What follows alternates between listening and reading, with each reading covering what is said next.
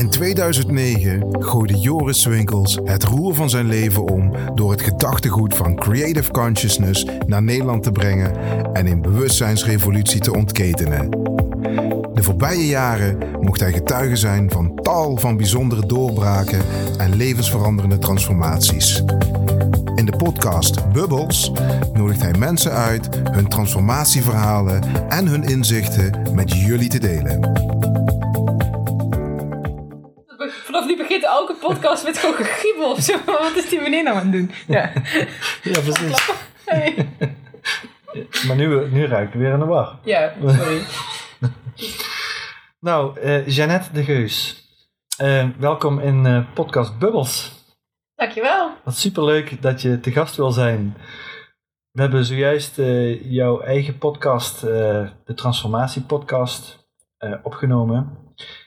Eh, ik hoorde van jou dat dat inmiddels een van de meest beluisterde is van Nederland. Ja, dat, eh, als je in, eh, ik kijk af en toe op, in iTunes, bij die, de podcast per categorie, want je hebt verschillende categorieën. Ja, ik vind het ook wel leuk om te weten waar mensen nog meer over podcasten, wat voor thema's nu relevant zijn. ja, En daar staat hij inderdaad regelmatig eh, in de top 10. En dan denk ik, oh, wat zijn dat Nederlandse podcasts? Dan zijn er nog maar twee of drie. En dan denk ik, oh wauw, dat is te gek. Daar sta ik nooit bij stil. Maar vooral omdat er nu heel veel podcasts zijn. ja, ja. Ehm, ja, daar ben ik toch wel een beetje trots op. ja. Ja, Ja, nou, dat vind ik ook wel inspirerend. Eh, ik heb geen idee waar ik met bubbel sta. Volgens mij ben ik nog een beginnelingetje, net één jaar bezig wat dat betreft. Eh, maar ik ga, ik ga daar ook eens even kijken of ik al in de top 10 eh, voorkom. ja volgens mij staat de top 100 of, top, of de eerste 100 of de eerste 200. Ik vind het wel jammer dat je niet kan selecteren op Nederlands gesproken of Engels gesproken. Want ik heb die daar wel nog... Het is natuurlijk een heel groot verschil. Maar het zijn wel volgens mij plays vanuit Nederland of zo waar die naar kijkt. Ja, Er zijn natuurlijk heel veel Nederlanders die buitenlandse podcast luisteren. ja, Ehm, dus ja, nee, dat is wel heel cool. ja. En dan ja, twee jaar, iets meer dan twee jaar nu. Ik, ehm, ik heb jou leren kennen, eh, nou ja, eh, van een stukje afstand. Eh, ik heb het ook al in, jou, in de andere podcast verteld, maar toen je bij ons op het Conscious Cowboys event was. En toen, ehm, toen vond ik, ik vond het sowieso wel interessant. Een, een leuke dame die vol tattoos zit, die daar in de zaal komt zitten. en vervolgens na een paar uur weer opstapt. Was wel heel snel. Volgens mij, ik zat echt te wachten. Wanneer is de koffiepauze? Ga ik blijven zitten tot de lunch? Volgens mij ben ik niet eens tot de lunch Ja. gebleven. Echt Heel Ja. erg. Ja, dat weet ik dus niet. Ik, denk, ik, ik waardeerde dat ook wel. eh, ook al wist ik niet waar dat het over ging in principe. Maar toen, eh, vanaf toen eh, heb ik, heeft mijn aandacht je niet meer losgelaten eigenlijk. Dus leuk dat we hier nu zitten in, in deze podcast samen. Ehm, als je kijkt naar de transformatiepodcast. Hoe, hoe is dat gekomen dat je een eh, podcast bent gaan doen? Ja, uit liefde voor het medium in eerste instantie. Ik luisterde zelf podcasts. ehm, waar ik heel veel aan had. Waar heel veel eh, kwartjes vielen. Nieuwe inspiratie, mensen, boeken, ideeën. Gewoon, oh, ik ben heel nieuwsgierig. Dus voor mij was het een geweldig medium om de autorit te verzachten, zeg maar. Ehm, en toen dacht ik, ja, is te gek. Ik zou het ook wel graag willen doen op die manier. Ehm, en als je dan zit te luisteren, dan luister je natuurlijk passief. Ja, maar als je, soms voelt het echt als, oh, ik ben echt een fly on the wall. Ik ben naar een heel intiem gesprek. Wauw, dat ik hier gewoon mag luisteren mag vinken, meeluisteren. weet je wel. Ja, ja. Als het een goede podcast was. En dus, maar ik heb ook mijn eigen vragen en mijn eigen thema's. En eh, ik denk dat het gek zijn als ik mensen kon spreken die mijn eigen nieuwsgierigheid nog wat verder bevredigen. Zo is dat eh, ontstaan. Toen ben je gewoon begonnen. Ja. En hoe, hoe kwam je dan eh, bij het, het woord transformatiepodcast? Ja, de podcast heette eerst de Transformatie Academie podcast. Ehm, ik heb in 2016 eh, een training gevolgd van Michel Vos. Mhm. En toen kende ik hem nog helemaal niet. Ik wist dat hij een eindbazen podcast zat en had een training geschreven. Ehm, en een, een van die een opdracht was een, een roadmap maken. Dus nadenken over wat wil ik naartoe, wat zijn mijn doelen, et cetera. Eh, en ergens in die paar maanden dat ik daarmee bezig was, eh, klopte ook steeds dat woordje eigenlijk in mijn hoofd. Transformatieacademie. En toen had ik nog een ander bedrijf, Love Fit Food. Ik heb een tijdje met vitaliteit en voeding en training en, en, en recepten bezig gehouden en gezondheid. Eh, en toen dacht ik al, ja, transformatieacademie, geen idee wat dat zou gaan worden, dat was een woord. Eh, wat ergens op mijn roadmap stond in 2016. ja. Ehm, en uiteindelijk is, is dat een podcast geworden, dus ja, ik weet niet waar dat bewuste die keuze daarvoor kwam. En de eerste ehm, 15 afleveringen waren ook online. Want in 2017 mijn huis verkocht. En ik ga eh, werkend reizen, reizend werken. Dus ik heb een podcast opgenomen terwijl ik in Korea was. In Seoul, volgens mij was dat met, eh met Tibor of met Jan Geurt zelfs. Mhm. Eh, maar ik kwam er ook al achter van, goh, dat is fijn dat plaatsonafhankelijk kunnen werken en podcasten en met mensen praten. Maar dan zit je dus Even, ja, ja, ik moest hem even checken voor de zekerheid. Ja, ja, Soms heb ik het in één keer komt erbij. heel herkenbaar. Ja, Ik probeer dan altijd dat Ja. dan onopvallend te Ja, doen ja, zonder ja, dat de ja. gast dat ziet. ja, Dat ik met mijn aandacht ergens anders zoek. Nee, Ja. nee, is oké. Ehm, dat ik, ja, ik mis iets of zo. En eerst vond ik het heel veilig, lekker achter mijn schermpje. En ik ben niet super sociaal. Zo. Ik vind het soms lastig in relatie tot andere mensen zijn.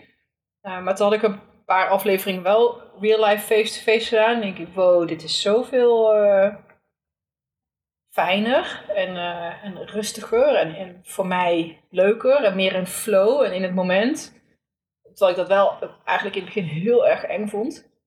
Ehm, ja, en nu zijn we twee jaar verder en denk ik, nou, ik eigenlijk, wil eigenlijk nooit meer online een podcast met iemand opnemen. Ik wil Nee. gewoon mensen ontmoeten en dan in het moment maar kijken waar het naartoe stroomt. heerlijk. Ja. Ja.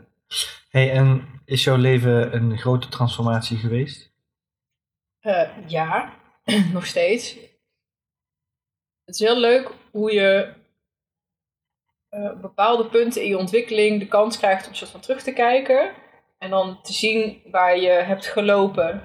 En ik zie nu pas een aantal eh, periodes. Dat weet je eigenlijk pas als je eruit bent. We hadden het straks in mijn podcast over eh, dat je pas als je weer even vrolijk bent, pas door hebt van oh, ik voelde me eigenlijk twee weken helemaal Ja. niet zo lekker. Ja. En nu sta ik ook op zo'n mensen van alsof ik nu even een soort van overplop en niet terug kan kijken. Zo van, oh ja, eh, ik heb twee hele grote shifts gemaakt. Ja, he- heel veel, maar twee grote echt aan te wijzen perioden. Ehm, en het grappige is dat dat ook een soort van hiding in plain sight is. Want ik ben echt al jaren geleden door een collega van mij, die was socioloog. Echt al tien jaar geleden. En die zei, ja, jij bent echt het toonbeeld van sociale mobiliteit Ja. waar heeft die man het over? Ja, maar binnen sociologie, je zit gewoon in een bepaalde sociaal-economische klasse, arbeidersklasse of daaronder, Mhm. of in de, wat het er ook maar is. En eigenlijk manoeuvreer je een beetje in die scene. Je doet die opleiding, je kent die vrienden, je zit in een bepaalde norm- en ja, ja, waardekader en daar blijf je binnen. En sociale mobiliteit zegt dat je daaruit kan stappen en een ander sociaal-economisch kader om je heen kan creëren. En hij vond mij daar een toonbeeld van. Ik dacht, Ja, waar heb je het over? En nu terugkijkend denk ik, ja, hij had gelijk. In de zin van dat ik eh, heel depressief ben geweest. Verslaafd ben geweest. Als je kijkt naar waar mijn ouders vandaan komen. En, waar, en die disconnect voelde ik al wel heel lang. Dat ik niet zo ben zoals mijn gezin, zeg maar, eh, is. Niet ten nadele van hun, maar gewoon andere, andere thema's. Andere... De televisieprogramma's die ze keken. De, hoe ze hun vrije tijd Ja, inrichten. ja. Of er wel of niet... eh, volgens mij gaat mijn batterij is net eh, uitgegaan. Oeh. dus je hebt alleen Nou, nog maar deze Dan kamer. gaan we door. Ja. Ja. Ehm, gewoon wat zij leuk vonden, wat ze interessant vonden, hoe ze praten, hoe ze dachten, wat voor oordelen ze had. En toen merkte van, nou ja, ik, ik heb mezelf daar wel echt bewust uitgehaald uit die wereld. En eigenlijk was mijn eerste stap om eigenlijk van lowlife, heel eh, cru gezegd, eh, naar de red race te komen. Ja, ja. Dus eh, ik was de eerste en de enige die naar de universiteit ging, bijvoorbeeld. Ehm, en ook een academische carrière daarna ging. Dus ik heb mezelf wel opgewerkt. Maar tegelijkertijd, in die periode, was ik ook gewoon verslaafd. Mhm. Ehm, dus ik Aan? kook, eh, ecstasy, ehm, ik rookte. Nou, die, dat zijn de belangrijkste. Ja. Ehm, ik heb zelfs een keer voor een, voor een docent suite geregeld op de universiteit. Ja, ja. Ja, dus ik zat heel erg in die twee werelden. Aan de ene kant het serieuze academische intellectuele. Aan de andere kant was ik gewoon helemaal los. Party. En, en party. En ehm, ehm, ik denk achteraf is dat ook een soort van mijn genezing geweest. Door, want MDMA kan ik echt therapeutisch worden ingezet. Een soort van zoek naar liefde, een zoek naar vrijheid. En een Ja. zoek naar, terug naar de bron of zo. Kon je dat vinden toen daarin? Ehm, ja, maar dat is alsof je dorst hebt. En in plaats van een glas water drinkt, dan maar in een kolkende rivier springt. Ja. Dus ja, ik Ja. heb dat erin gevonden, maar je ging ook bijna aan ten onder. Dus dat, dat Ja. was gewoon, eh, dat ik ook nog niet, ja, ik werd er gewoon toegetrokken. Dus mijn eerste stap is eigenlijk dat geweest, van een hele depressieve tiener, ehm, die heel erg veel werd gepest, zich niet thuis voelde, zich heel erg on, onheimlich eh, mijn plekje niet wist heel rebels geworden. Dus heel erg gaan feesten en kont tegen de kribben. En, eh, maar tegelijkertijd ook wel dat academische had. Zo van oké, maar ik moet ook iets voor mezelf gaan bouwen. Nou, dat heeft ongeveer tien jaar geduurd, die hele fase, totdat het weer rustig is geworden. En ik ook mijn verslavingen gedeeld heb. En, nou, En hoe ging dat dan? Hoe, want hoe deal je met zo'n verslaving? Is er dan een moment dat je zegt van oké, nu is het genoeg? nou, die momenten waren er heel veel. Ja. Maar om dan ook echt door te pakken en dan, dan dat echt mee te stoppen. ehm, dat is echt één moment geweest. Ik weet nog dat ik van het station naar mijn huis liep. Eh, Ik, ik kwam van de universiteit af en ik was toen 26. Dat ik echt, eh, dus ik heb zeg maar van mijn 15e tot mijn 16e tot mijn 26 best wel har- hard gegaan daarmee. Ik was 26 en ik liep van de universiteit, van het, eh, geval van het treinstation naar huis. En toen heb ik mijn telefoon gepakt en toen heb ik ehm Kentron, dat is een soort Jelinek-achtige kliniek in Tilburg, gebeld. Zo van oké, ik ga dit niet alleen kunnen, want ik heb me al zo vaak voorgenomen dat ik ermee ga stoppen. En ik heb al zo vaak gedacht van oké, en this is it. En maar coke eh, en ook ecstasy en ook roken is echt zo venijnig in dat opzicht. Ehm, het laatste, ik heb het niet heel lang heel intensief gedaan, maar dat is wel een, ik denk wel een jaar geweest dat ik dat drie keer in de week deed. Terwijl ik ook nog gewoon studeerde en werkte Ja. en al andere dingen en daar eigenlijk ook helemaal geen geld voor had. Eh, en dan niet eh, om de kroeg in te gaan en leuk te doen. Zo is het ooit wel, wel begonnen. Maar het liefste zat ik gewoon thuis, alleen. En ging poetsen of zo, of iets om... dus heel nasty eigenlijk. Ehm, dus ik dacht, weet En- je wat, ik kan dit niet in mijn eentje eh, fixen. Dat was een moment dat je dacht van ik kan het niet alleen. En Ik heb de beslissing, ik heb hulp nodig. Dat telefoontje. Dat doen. En toen zei die mevrouw, oké, gaan we intake doen. Eh, maar er is wel een wachtlijst. Dus je moest ah, zes weken wachten. Eh, die intake die kon heel snel. Ja. En dat was echt zo... Nou, ik ging daar met weerzin tegen, want ik studeerde psychologie. En ik was toen al in mijn eh, derde jaar of zo. Ja. Ik dacht, ja, wat gaan zij mij nou vertellen? Ja. Super arrogant natuurlijk. Ja. ja. Want ik weet het allemaal. Ik kan perfect lijstjes maken voor tegens. Van wie zijn we? Ja, ik weet het allemaal zelf. Het lukt, ik ben gewoon een eiken zeg maar. Ik heb gewoon meer wilskracht nodig. En in die intake, en dat was, was een hele goede maatschappelijk werkster. Nou, die prikte meteen en echt binnen vijf minuten door me heen. Janken natuurlijk. En eh, zij, zij zegt, ja, volgens mij ehm, eh, zit je, je, je, je intellect hier, je intellectuele ontwikkeling, je, je cognitieve ontwikkeling hier, en je emotionele ontwikkeling is om wat voor reden ook nog hier, ja. waardoor je heel erg zoekende bent. Mhm. En je hebt heel veel mensen om je heen, eh, maar eigenlijk niemand op wie je kan vertrouwen. Mm. Mm. Nou, Phew. dat was gewoon bullseye. Dat Ja. was hem gewoon precies. Want ze zei van, hè, je, je hebt niemand om te supporten, of die er voor, je hebt niemand die er voor je is. Je voelt je eenzaam. Wow. Nou, die Ja. eenzaamheid, dat Ja. was echt de trigger. Ehm, of het, hetgene wat, ja, dat, dat, dat zag ik echt niet bij mezelf. Kijk ik helemaal niet bij jezelf. Nee, maar als iemand die natuurlijk, dus natuurlijk haar werk, Ja.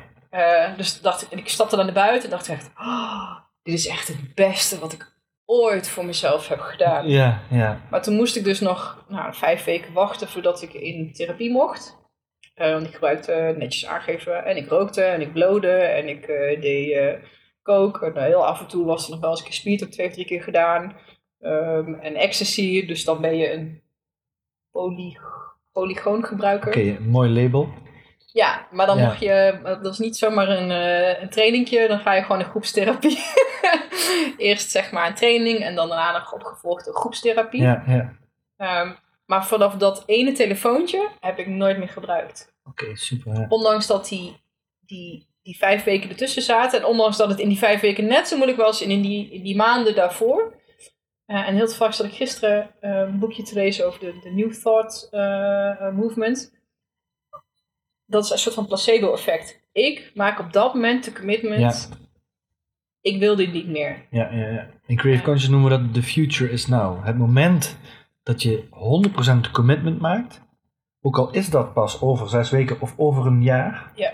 dat is het moment waarin je de ervaring gaat hebben en de kracht om het inderdaad te kunnen veranderen, omdat de toekomst nu is. Ja. En als je niet zeker weet dat het gaat gebeuren, heb je ook niet de energie om dat te veranderen. Nee. En ik denk dat dat telefoontje en dat, dat, die intakegesprek, dat ging wel, zat wel redelijk kort op elkaar. Ehm, dat, dat is het kantelpunt geweest. ja, ja. De erkenning van oké, ik, eh, ik heb hier hulp bij nodig. Maar Wat- ook de, de vertrouwen van hé, hey, dit gaat me lukken. Ja. Hoe was die periode daarna? Als je het hebt over transformatie van jezelf, eh, inzicht van jezelf, ander mens worden. ehm, hè, je hebt dan een, Ja. een- een- zeg maar even tien eh, wilde jaren met wilde haren. Hè? En, en toen had ik nul tatoeages. Ja, Dat komt pas daarna. ja, laat maar zien. Ja, ja, nee, ik- Ja. Ik krijg er gewoon van, van die vragen. Ik wil het ook heel graag, maar ik durf het niet nog. Ik, ik ben nog te scheiterig om het te doen of zo. Ik weet het niet. Ik heb Ja. wel een tattoetje, maar ja. Ja, ja. Ik, ik zie ze niet eens meer. En als ik ze zie, dan ben ja. Dat is natuurlijk onderdeel van. Dat, dat ik ook niet elke bewust ben, ook een blauwe ogen. Dat is Nee. waar ik continu dan. Ja. eh, Maar goed, die, die periode daarna. Dus toen eh, ben je in zo'n traject gegaan. Hoe was die periode daarna? Was dat ook transformatief? Nou, dat was vooral eigenlijk allemaal nog heel erg onbewust. Ik denk dat dat hele proces, ook die tien jaar eh, die ik nodig had om die stap te kunnen zetten. Ik had die tien jaar terugkijkend nodig om mijn eigen plekje te verwerven. Ik had die rebelse periode ook nodig. Ja, ja, ja. Om mezelf te worden of zo, om los te Ja. komen. Maar nog totaal unconscious. eh, daar ook niet van, van bewust. En dat kwam eigenlijk pas later heel gradueel met... Oké, je bent dan afge- afgekikt. Ik was 6, 27. eh, afgestudeerd. Weet je, dan begint de academische... eh, of sorry, de, gewoon de professionele carrière. Dat was ook een heel mooi punt om te zeggen... Oké, weet je wel, ik ga nu gewoon Ja. mijn eerste echte baan... Dus dat proces van een ander persoon worden, dat ging toen eigenlijk ook kabbelde dat een beetje voort. En het is eigenlijk pas nu in deze tweede grote shift dat ik weer eenzelfde soort periode heb meegemaakt. Ehm, maar dan veel bewuster en veel efficiënter en veel goedkoper en pijnlozer. Nee, dat wil ik niet zeggen. Het is niet pijnlozer, maar ehm, omdat ik nu veel meer tools heb eh, doelen stellen, weet je wel, je tijd indelen, focus, eh, je bewustzijn van je gedachten. Er zijn natuurlijk heel veel tools waar jullie ook mee bezighouden, die je kan helpen om zo'n transformatie gewoon wat gestructureerder zeg maar, aan te pakken. Ehm, en die tweede shift is eigenlijk uit de academische carrière geweest. Ja, Dus waar ik eerst tien jaar erover heb gedaan om, om Om- iemand te worden, om in die in die- academische ja. carrière, om hè, een, carrière te gaan eh, maken voor mezelf, heb ik ehm, vijf jaar docent geweest. En toen dacht ik, ja, maar ik, ik weet dit ook niet. Er kwam de interesse in. Eh, ik was ontevreden over mijn lijf. Ik vond mezelf te dik. Ik, ik hield niet van mezelf. Ik vond mezelf lelijk. Ehm, en dacht ik, ja, ik heb een hele hoop al op de rit. Maar dit nog niet. Dus die tweede shift is eigenlijk begonnen met een soort van ontevredenheid. Gewoon hoe de buitenkant eruit zag. Dus het plaatje met, oké, ik heb nu dan gewoon een burgerleven, zeg maar. Ehm, en ik ben altijd al wel sportief geweest, maar ik vond, nou dat lijf, dat mag dat ook nog wel even laten zien, dat ik dan zo sportief ben.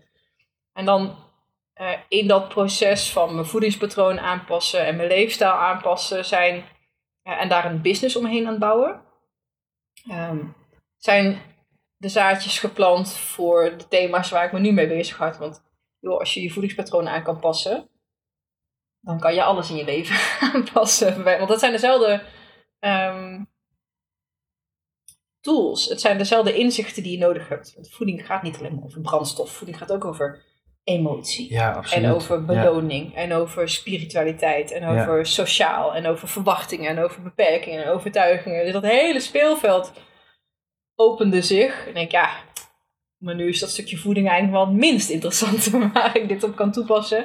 En hoe cares hoe dat lijf eruit ziet.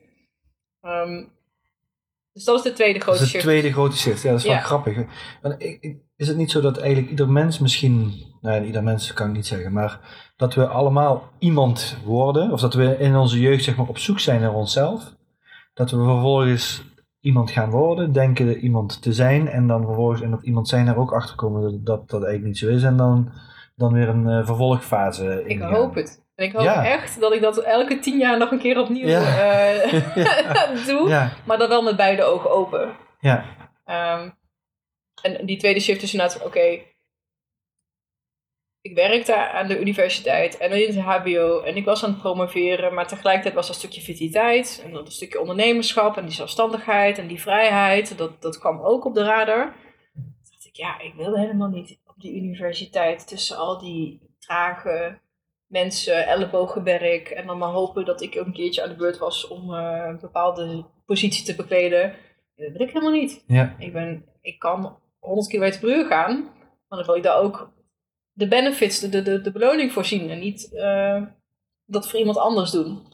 Dus toen heb ik uiteindelijk mijn PhD-traject gestopt.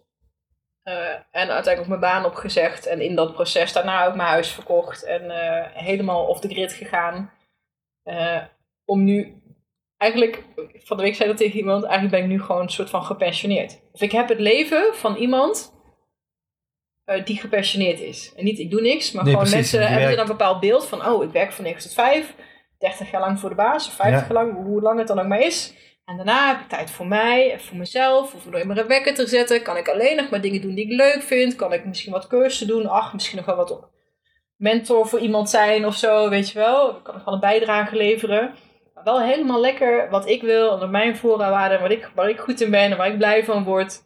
Eh, en daar heb ik dan ruimte en geld voor. ja, ja. Nou, dat heb En ik nu. Dat is wat je, zoals je nu leeft. Ja, Ja, heerlijk. maar dan nog niet eh, met pensioen. Maar denk wel met wel dat voor mezelf gecreëerd. Maar dat is wel uit de red race. Ja, ja. Ik heb niet een heel groot fancy huis of een hele dure auto of hele dure vakanties of zo. Dat interesseert me ook allemaal niet. Ja, ja.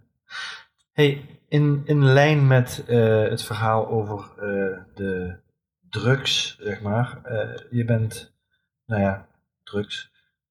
Even terug ben je op televisie geweest. Ja. Toen werd je uitgenodigd in verband met een thema wat heet microdoseren. Ja. Ik begin microdoseren overal te horen. Ik vind het rete interessant. Ik heb het één keer geprobeerd waar ik niet zoveel van gemerkt heb. Maar ik, ik heb het gevoel dat er een hele wereld achter zit. Hoe ben je daarmee in aanraking gekomen? Ehm, En misschien nog belangrijker, wat, is de, wat, ja, wat, is, wat heeft het voor je gebracht? nou, dan is eigenlijk de vraag hoe ik in aanraking ben gekomen met psychedelica. Ja, Eh, psychedelica is eh, LSD bijvoorbeeld. Eh, er valt nog wat meer onder mijn LSD, dat kennen de meeste mensen. Maar bijvoorbeeld ook ayahuasca is ook een psychedelica. Ehm, ik luisterde eh, een eindbazen podcast. En ik hoorde Wigert eh, en Michel praten over ayahuasca. En ik weet nog waar ik liep en waar ik was. En Ja. alle bellen in mijn lijf, alle toetsen, alles ging af.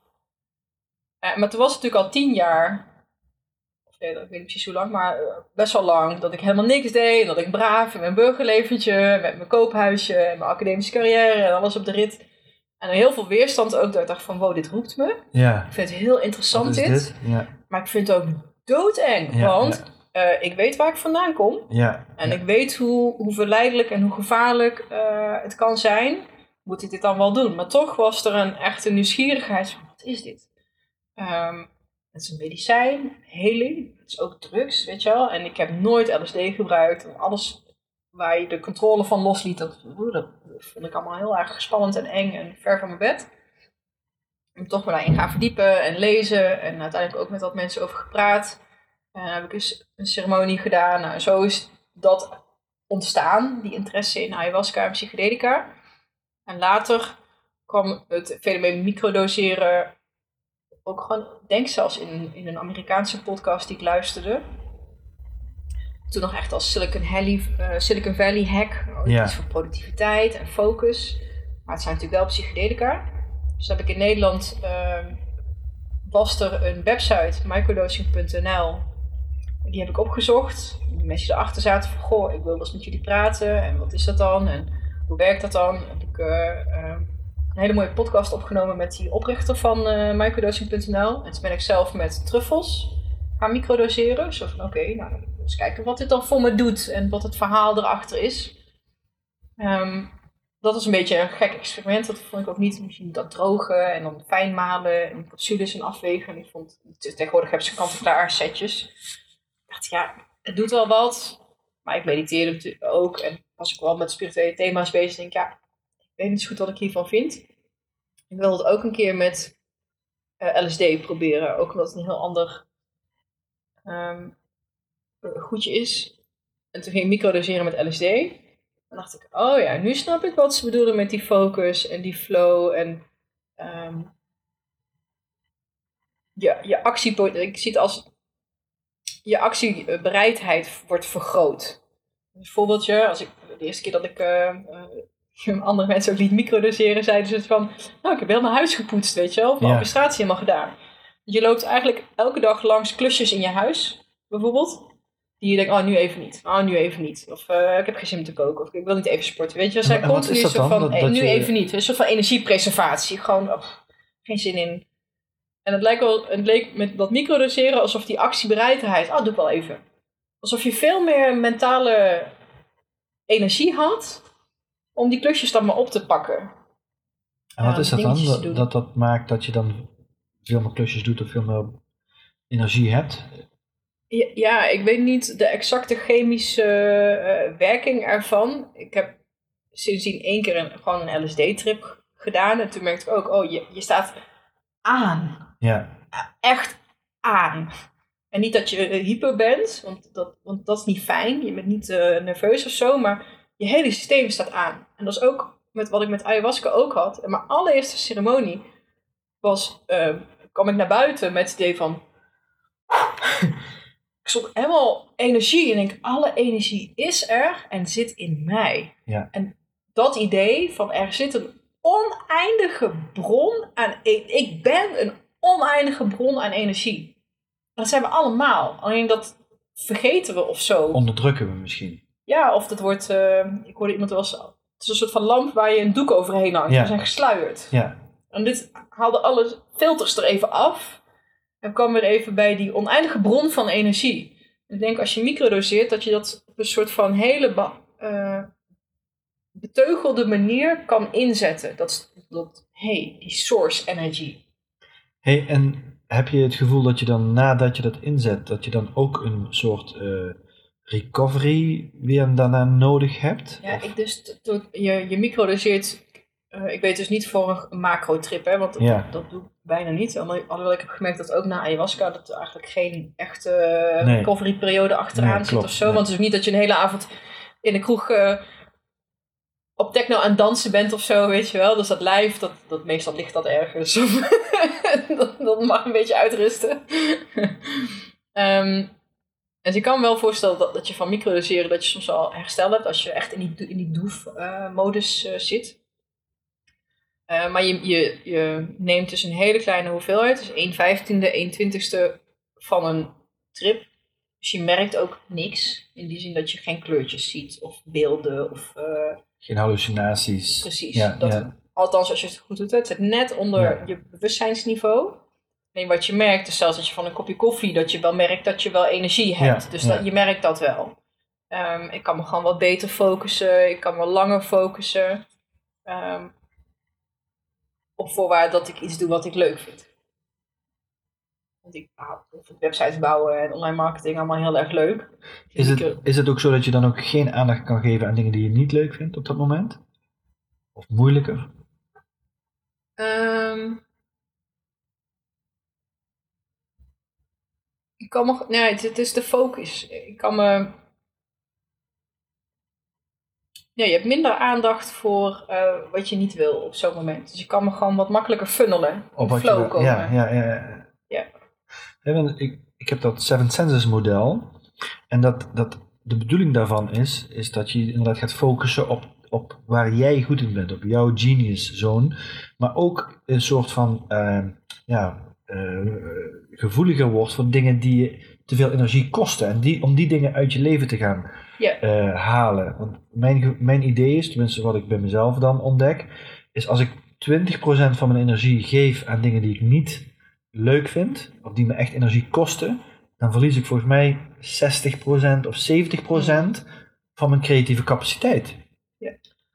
En eh, dus ik zou het fantastisch vinden, dan ga ik het zeker morgen ook doen, als zo'n microdosering je daarbij helpt om daar ja, gevoeliger te zijn voor die dingen.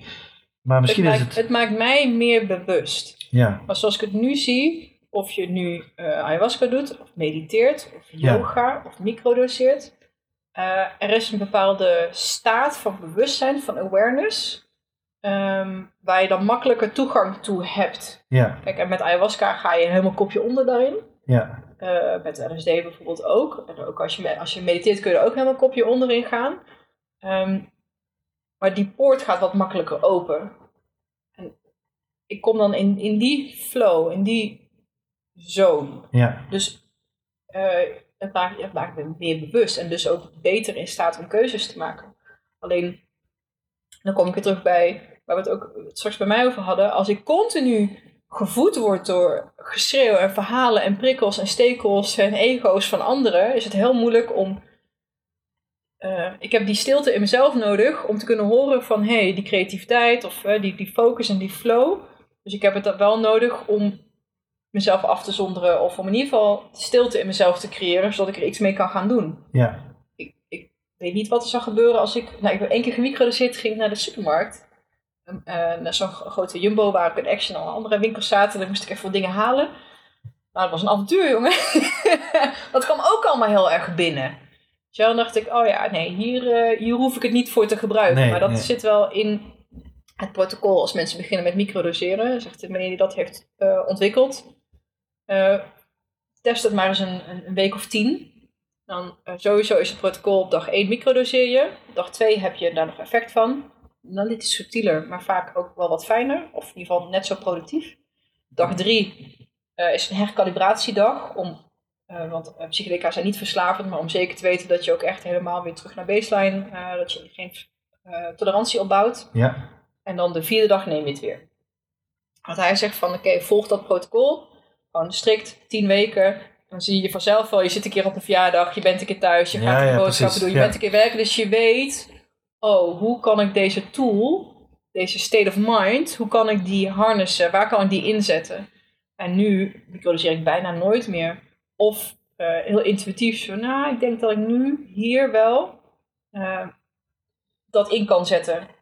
Terwijl koffie, ik drink nog steeds elke dag koffie, weet je wel? Het is niet alsof koffie me één keer aan heeft gezet en dat Nee. ik dan voor de rest van mijn leven daar benefit van heb. En waarom ik psychedelica echt super fascinerend vind, is dat er echt oprecht wat gebeurt in de, met de neuroplasticiteit van onze hersenen. Dus er worden nieuwe connecties aangelegd, ik kan nieuwe verbindingen maken. En het wordt soms wel eens beschreven als, weet je wel, zo'n skipiste, zo'n witte berg. En dan zijn er heel veel mensen uh, vanaf geweest. En ik heb ook een bepaald spoor waar ik altijd af uh, glij, zeg maar. En uh, psychedelica die leggen daar een soort van nieuwe pak sneeuw overheen, Cool. waardoor je weer een Dus je vers kunt, spoor je kan kunt weer door de poedersneeuw. De, de grootste Ja. droom van ieder eh, Ja. snowboarder en eh skier door de poedersneeuw. Ja, je kan weer nieuwe inzichten krijgen. En dat is de reden dat bijvoorbeeld voor depressie de psychedelica heel erg effectief zijn. Want mensen zitten gewoon heel erg vast in een bepaald soort spoor. Ja, In een overtuiging, in een gedachte, in de, de, de ego-constructen die ze voor zichzelf hun hele leven hebben gebouwd. Van, oh, dat ben ik. ja, ja. En in één keer kan je veel meer zijn dan dat. Als mensen dit willen proberen, eh, dan ga je naar microdosering.nl en daar kun je zo'n protocol eh, Ja, er zijn downloaden. heel veel onderzoeken, En, eh, maar ook verhalen van mensen die dat doen voor van allerlei soorten Is dat iets symptomen die ze willen eh, Is dat iets wat je alleen doet of doe je het liever met begeleiding van iemand anders? Nee, ik kan prima alleen. Kijk, ehm zou ik een beetje zeggen, ja, weet je, mediteren is eh, gevaarlijk, want dan kom je dingen van jezelf tegen. Ja. Kijk, Hier ook natuurlijk. ja, je wordt je meer bewust. Ja. Eh, in het begin heb ik ook wel eh, contact gehad met mensen die ervoor vroegen, kan je me een beetje coachen of ondersteunen? En dan zei ze mevrouw bijvoorbeeld van, ja, ik, ik heb last van negatieve gedachten en ik lees heel veel goede verhalen over depressie. Misschien helpt het mij. En die, doet dat dan één of twee keer. En zegt, ja, nee, ik, eh, het lijkt wel alsof ik alleen maar meer donkere gedachten heb. Ik denk, ja, dat je gaat mediteren en dat je in één keer stil gaat zitten en je bewust wordt van, wow, wat vertel ik me toch eigenlijk Ja. de hele dag door?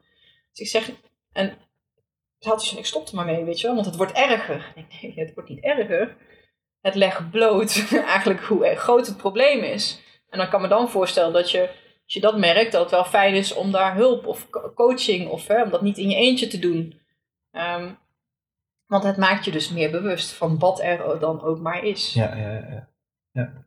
Mooi. Ja, ik, ik sprak laatst in een andere podcast, eh, Professioneel Ontwaken, met eh, Kim van Oorsouw. Eh, Nee. En die, die is ook psycholoog en onderzoeker in Maastricht. En die, ja, het mag nu niet meer ayahuasca, hè, maar zij had dus instellingen waar mensen met depressie uitbehandeld waren, waar de methodieken niet werken en die vervolgens ayahuasca gaan doen. Eh, die nam zij op in een onderzoek. En Ja. dat, dat onderzoek is nog niet klaar, maar de eerste eh, resultaten die ze daaruit halen waren echt fenomenaal.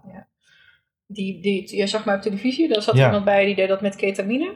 Oké, Echt ja. eh, therapieresistente eh, depressie. Dus voor mensen die Ja. echt al alle trajecten hebben lopen, alle therapieën, alle medicijnen. En gewoon daar, en die dus met ketamine, ja nou genezen, zo'n woord mag je natuurlijk niet zomaar Nee. noemen. Maar die eh, heel erg symptoomvrij zijn leven daarna. weer op de rit eh, krijgen. Ja, eh, het, en ketamine is ook een, een, valt ook onder psychedelica. Hetzelfde met eh, ayahuasca. En nu MDMA is niet officieel een psychedelica, maar wel nou, wordt een beetje in die hoek gezet. En nu wordt er dus ook therapie gedaan met posttraumatisch stress eh, syndroom. Ja, Veteranen bijvoorbeeld, die eh, angstig zijn en stress eh, ervaren. En die dus ook met therapie-sessies ondersteund met MDMA-sessies. Dus zowel praten als MDMA. Die dus genezen. En er is geen enkel antidepressieve medicijn ehm, die, die dat kan evenaren. Dat soort effecten die zij daarmee ook in wetenschappelijke onderzoeken bereiken. En er is nu een hele grote groep wetenschappelijk onderzoek, een soort van golf gaande, waarin psilocybin, dus de, de magic mushrooms, maar ook MDMA en ketamine, en het wordt allemaal steeds meer bekend zo van, oh, dit heeft echt therapeutische waarde en een waarde die een antidepressiva gewoon niet kan evenaren. Ik hou graag van overdrijven, net als jij, dus ik dank je, dank je. dat Ja, wel even factchecken, maar ja. eh, ja, er zijn organisaties en onderzoekers en instellingen, ook in Nederland, die daar echt heel actief mee zijn. En ik weet echt 100% zeker over twee, drie jaar, misschien vijf jaar, kan, eh, stel dat een oude Jeanette belt naar een, eh, een, een, een kliniek, kan dat misschien een van de dingen zijn die ze mij kunnen bieden. ja. Als je depressief bent of als je... Ik ben heel benieuwd. Ik ben heel benieuwd. Ja, ik ben ook helemaal eh, fan van een stroming die, waar ik ook zelf aan wil bijdragen van, van patiënt naar student. Eh, in de vorm van, ik, ik wil eigenlijk geen patiënten meer. Dat, dat, dat zit al, daar zit al in dat je afhankelijk bent van een therapeut bijvoorbeeld. Ja. Of van een dokter. Terwijl eigenlijk ben je volgens mij niet patiënt, ben je gewoon student van het leven en ben je even de weg aan het zoeken. Ja. En als dit manieren zijn, zeg maar, om die weg weer voor jezelf te vinden, ja, ik vind dat fantastisch als mensen daar zelf redzaam door worden.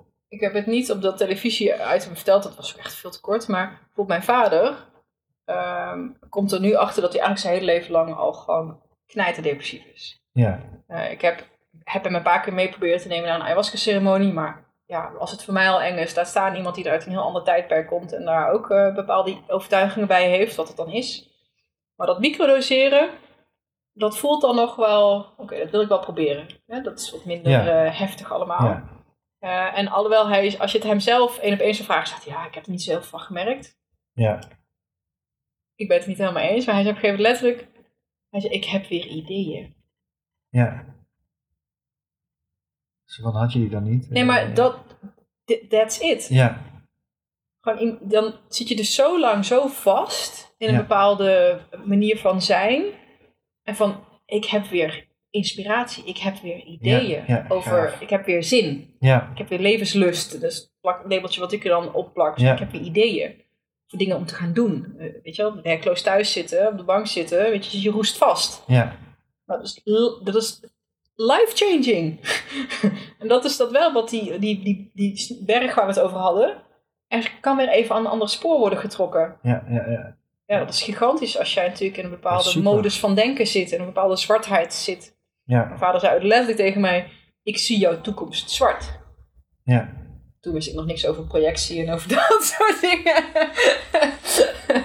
Wel fijn dat, ja, dat dit hem wel echt heeft kunnen helpen. Mooi zeg. Ja. Ja, ja. Dat heeft hij een paar maanden gedaan.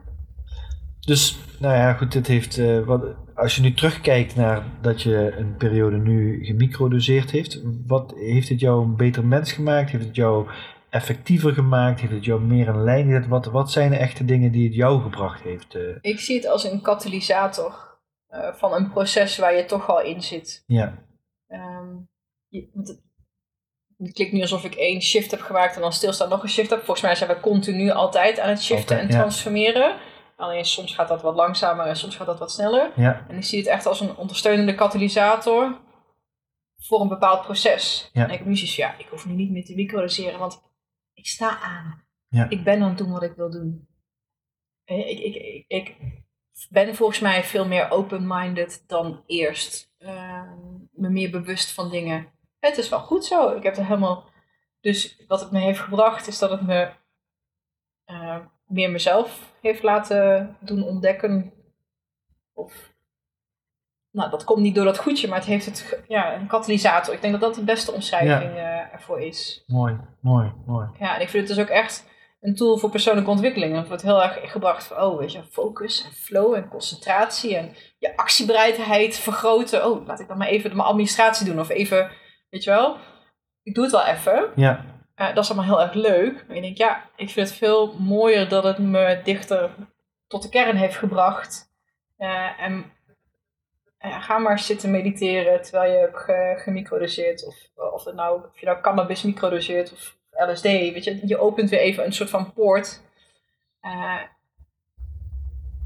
ja, Ja. dat. En dan, ja. Nou ja, als je kijkt naar persoonlijke ontwikkeling, eh, de, de fase die iemand door het leven gaat, dan denk ik dat, dat dit absoluut kan helpen. Om dat zelfbewustzijn en hoe zit ik in elkaar en wie ben ik en wat wil ik echt. En eh, dat het daarin eh, veel gebracht heeft. Vooral het patronen. Het doorbreken van een patroon en het aanleren van een nieuw patroon. Want het zit vooral in dat doorbreken van die patronen. wat denk ik de crux is voor mensen om te kunnen transformeren. ja, ja, ja, ja. Want als je vastzit, Ja, je moet daaruit. En er zijn natuurlijk heel veel manieren om patronen te doorbreken. En dit is er denk ik één van. Wat zijn nu patronen waar je van zegt van zo, dit had ik eh, twintig jaar geleden niet eh, kunnen voorspellen dat ik nu dit soort patronen in mijn leven heb eh, ten opzichte van toen. Ehm, nou, als ik kijk naar wat mij bijvoorbeeld een van de redenen was om met een, een ayahuasca bijvoorbeeld, eh waar me dat zo triggerde. Ik kijk, alles op de rit, maar ik ben eigenlijk eh, nog ongelukkig, ik voel me onzeker, niet zo heel veel zelfwaarde, eh, angstig soms. Dat thema, en ik ja, wat is dat toch wat mij zo omlaag trekt, wat me zo down kan maken ook. En, als je kijkt nu heel, soms schiet ik dan nog wel eens in, in zo'n patroon, in zo'n gedachtepatroon. Maar eigenlijk, denk ik, jeetje. Als ik vraag nu aan mensen om mij te omschrijven, soms gebeurt ook bijvoorbeeld in een training. Ja, je bent zo krachtig en zelfverzekerd. En, en ik echt, poeh, nou dat moet je de Jeanette van 20 jaar geleden, die had echt zin van wat? Wie? Jij? Eh, no fucking way. Ja, geweldig. Ja. suicidale gedachten gehad, weet je wel. Gewoon echt, ik ben echt down gevoeld en, en, en pff, nou, dat, dat, dat gebeurt niet zelden, of in ieder geval nooit meer zo diep. Ja, ja, ja, dus dat, dat heeft me wel, en dat komt niet door het goedje, maar door de, de processen die ik aan ben gegaan de afgelopen tijd. In mijn relatie of in mijn werk. Weet je, je- jezelf nou, je vooruit willen helpen en met wat je daar dan op dat pad tegenkomt om daar te komen. ehm, is het wel ja, een patroon waar, wat ik nu veel minder heb, die onzekerheid. ja, ja. Dus persoonlijke ontwikkeling en dan vervolgens je reflectie daarvan op werk, op relatie. Relatie hebben we ook al even in de tussen, in de gang, eh, hadden we het over hè, de uitdagingen van relaties, maar ook hoe mooi eigenlijk relaties zijn om je te, een spiegel te geven voor je zelfontwikkeling en Ja. voor je groei. Ja. Hoe, eh, hoe, hoe zit je daarin? Nou, sowieso iedereen die, die dat interessant vindt, moet eigenlijk Jan Geurts gelezen hebben. Ja, Verslaafd aan liefde. ja, Eh, en Jan noemt dat een spirituele relatie. Dus de relatie waarbij je, we duwen op elkaars knoppen, continu, Ja, onbewust. Dat, en dat is oké. En wat je in een spirituele relatie, het enige wat er anders in is, dat je dat verwelkomt en dat ook aanpakt als moment om te kunnen groeien, om Groeien, ernaar te kunnen kijken, om dat niet weg proberen te stoppen. Ehm, dus ik wilde ook heel graag zo'n soort relatie, want ik was ook, ik wilde ook een beter mens zijn. Eh, en toen kwam de persoon die ik nu heb, kwam op mijn pad met de wensen die er op dat moment waren. En ik, oké, nou dan gaan we dit op deze manier doen. En het gaat eh, vervelend en lastig en moeilijk zijn. Want mijn vriend heeft dus naast mij een andere vriendin. Mhm.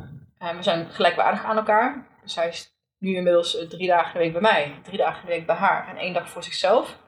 En ik weet dat dat ook heel bewust voor mezelf een wens was. Zo van, oké, wat voor soort vrouw of wat voor soort relatie wil ik? Wat voor soort man zou goed bij mij passen? Wat wil ik? Dus daar heb ik echt over nagedacht en opgeschreven. ja, Ehm, en grappig, als je dat nu zou lezen, denk ik, ik heb gewoon één op één exact heb ik niet gekregen. Ehm, maar wat voor persoon wil ik eigenlijk zijn? Dacht ik, ik zou best wel dermate zelfverzekerd kunnen zijn, willen zijn, dat ik thuis op de bank zit dat je, en dat ik dan zeg, en dat hij eh, op de telefoon zit. En eh, oh, ik kan een leuke date regelen. Dan denk ik, oh, leuk voor je. Weet je wat? Ik, eh, ik warm je wel vast op. en dan zwaai ik je uit. En dan veel plezier. En dat dat voor mij helemaal, helemaal oké is. Dat je zo zelfverzekerd bent over wat ik waard ben. En wat iemand bij mij zoekt en wat ik te bieden heb. Dat ik iemand helemaal los kan laten. Zeker nog dat ik iemand stimuleer. Ga het maar elders zoeken. Ga dat genot en dat geluk en het plezier en de liefde maar ergens anders zoeken. Want het heeft niks te maken met wat ik te bieden heb en wat wij samen hebben. en dat heb je, En dat heb ik nu. dat soort woorden heb je dat toen omschreven. Dat heb je opgeschreven, van dat is waar ik voor Ja. wil gaan. Ja. Ik wil een relatie van iemand die die mate van vrijheid heeft en waarin ik zo sterk Ja. in sta dat ik dat kan eh, bieden. Ja. En dat kwam toen op je pad. Ehm, ja, in die, in die gesprekken en in dat proces. Ik weet niet of ik eerst geschreven heb. Nee, ik heb hem wel eerst ontmoet. En daarna, daarna pas eh, eh, erover na gaan denken ook. En ik was toen vrijgezel. We zouden toen gaan daten. Weet je, en dan En, komt hij- dat. hij had toen al een andere relatie. Eh, toen ik hem leerde kennen, eh, zat hij in een, in een lange termijn klassieke relatie. Ja? Samenwonen, plannen voor huis en kinderen, dat soort dingen. Ehm leerde hem kennen. En toen dacht ik, ja, ik ga geen buitenvrouw of zo worden. Ik ben niet iets voor on the side. Dus daar was ik toen al gelukkig al wel. Dat zou misschien een paar jaar daarvoor, zou ik daar misschien ook anders in hebben. Stond ik daar anders in. Ja, gaan we niet doen. Heel onverwachts voor mij stopte die relatie eh, tussen hun. We hebben een paar dates gehad. Maar goed, als iemand eh, zeven jaar bij elkaar is geweest, dan moet dat ook even eh, Ontladen. ontladen. Dus we hebben elkaar toen een paar maanden ook bijna niet gezien of gesproken. En ik dacht echt, oké, dit wordt... eh, ik had nog wel hoop, maar ik denk niet dat dat wat wordt. Ehm, en toen drie kwart jaar later of zo eh, hadden we weer contact. En toen zei hij van, ja, ik moet je wat vertellen. Ik oh. Dus ik, eh, ik heb weer een vriendin. Nou, toen stortte mijn hele wereld in. Want ik dacht, oh, ik hoopte dat, Dat hè, ik dan, dat man zou ja. gaan worden. Maar... ehm, ik sta dan nu wel op een andere manier. Ik heb wel heel bewust ook met haar van tevoren besloten van, we waren toen een half jaar samen. Dat wordt wel een open relatie, of in ieder geval, wij gaan ontdekken. Ik wil het op een andere manier vormgeven als dat ik het daarvoor heb gedaan. Dus zij wist waar hij naartoe wilde. En ik wist ook van tevoren heel duidelijk van, oké, ik ben niet de enige vrouw. Eh, en ik had er wel zoiets van, ik vind het prima om een van meerdere vrouwen te zijn in je leven. Maar dan wil ik daar wel gelijkwaardigheid in. En dan misschien niet in gelijkwaardigheid in de hoeveelheid tijd. Ben heel graag op mezelf. Maar wel in de hoeveelheid respect en liefde. Eh, en dat is natuurlijk... En hoe meet je dat dan? Of ja, hoe- joh, dat is niet te eh, doen. Dat is, niet, maar dat is een gevoelskwestie. Een gevoelskwestie, ja. ja. Dat iemand, als die bij jou is, wel ook bij jou is en niet met zijn aandacht nog ergens anders en bij jou alleen maar komt voor de seksualiteit of de, Precies, ik wil daar... iets anders. Ja, eh, ik wil ja. mijn leven met jou Ja. delen. En niet een leuke... Ik kom één keer in de week eh, dat je hier op bezoek komt. Een visite komt. We gaan samen iets bouwen. Ehm, dus daar... Ja, dat, dat diende zich aan. En, En hoe was dat in het begin dan? Want ik kan me voorstellen dat al- als je... Ik moet zeggen, ik heb in een relatie waar ik eigenlijk, waar we eh, nog wel heel, van, heel erg van elkaar hielden, maar het gevoel hadden van we hebben geen gezamenlijke toekomst, dan hebben we besloten ook om hem open te maken.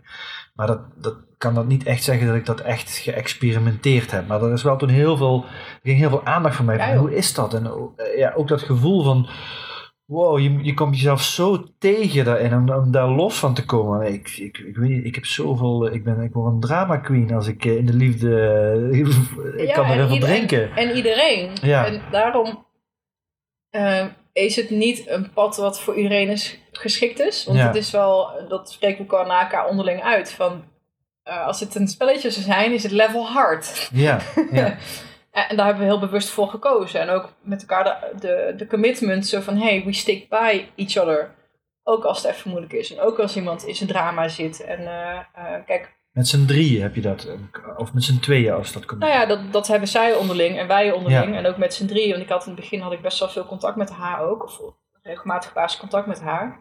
Daar hebben we veel over gepraat. Ik heb haar ook min of meer een tijdje gecoacht bijna. Ja, omdat ik op bepaalde mentale stuk wat verder was.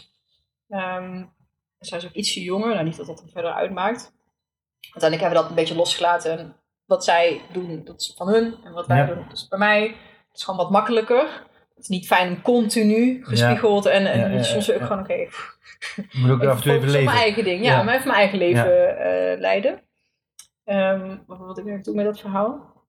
Je stelde de, Nou, eh, ik was... Oh, je komt jezelf tegen. Ja. Ja. nou zeker. Alles komt boven. Ja. Alles. Elke. Ja, eh, Er is. ge- ge- Al je onzekerheden, al je twijfels, al je drama, al je trauma. ehm, oh, gaat hij me wel leuk vinden? Weet je, er komt zoveel. Nou, gedoseerd wel, want hè, je wil niet continu alleen maar moeilijke dingen aan het doen zijn. Maar, en hoe ga je daar dan mee om? En zeker zo in dat begin, als je, als je net gekozen hebt voor, je noemde het uh, polyamorisch, Ja, hij- Of, hij is eh, polyamoreus, maar amoreus, ik, ik heb een, latrelatie eigenlijk. Want met iemand die, ja, een open latrelatie. Open, ja. Ehm, dan ga je die eerste weken, maanden eh, getriggerd worden. Je krijgt eh, jaloezie, je krijgt eh, verlatingsangst, eenzaamheid, eh, minderwaardig, weet ik veel. Ik was vooral heel ongeduldig. Dat was Ja? echt mijn grote, grote les is vertrouwen hebben en geduldig zijn. Eh, je overgave eigenlijk. Eh, hij stond eigenlijk in het midden tussen twee vrouwen. Ja, En voor haar ging het eigenlijk te snel.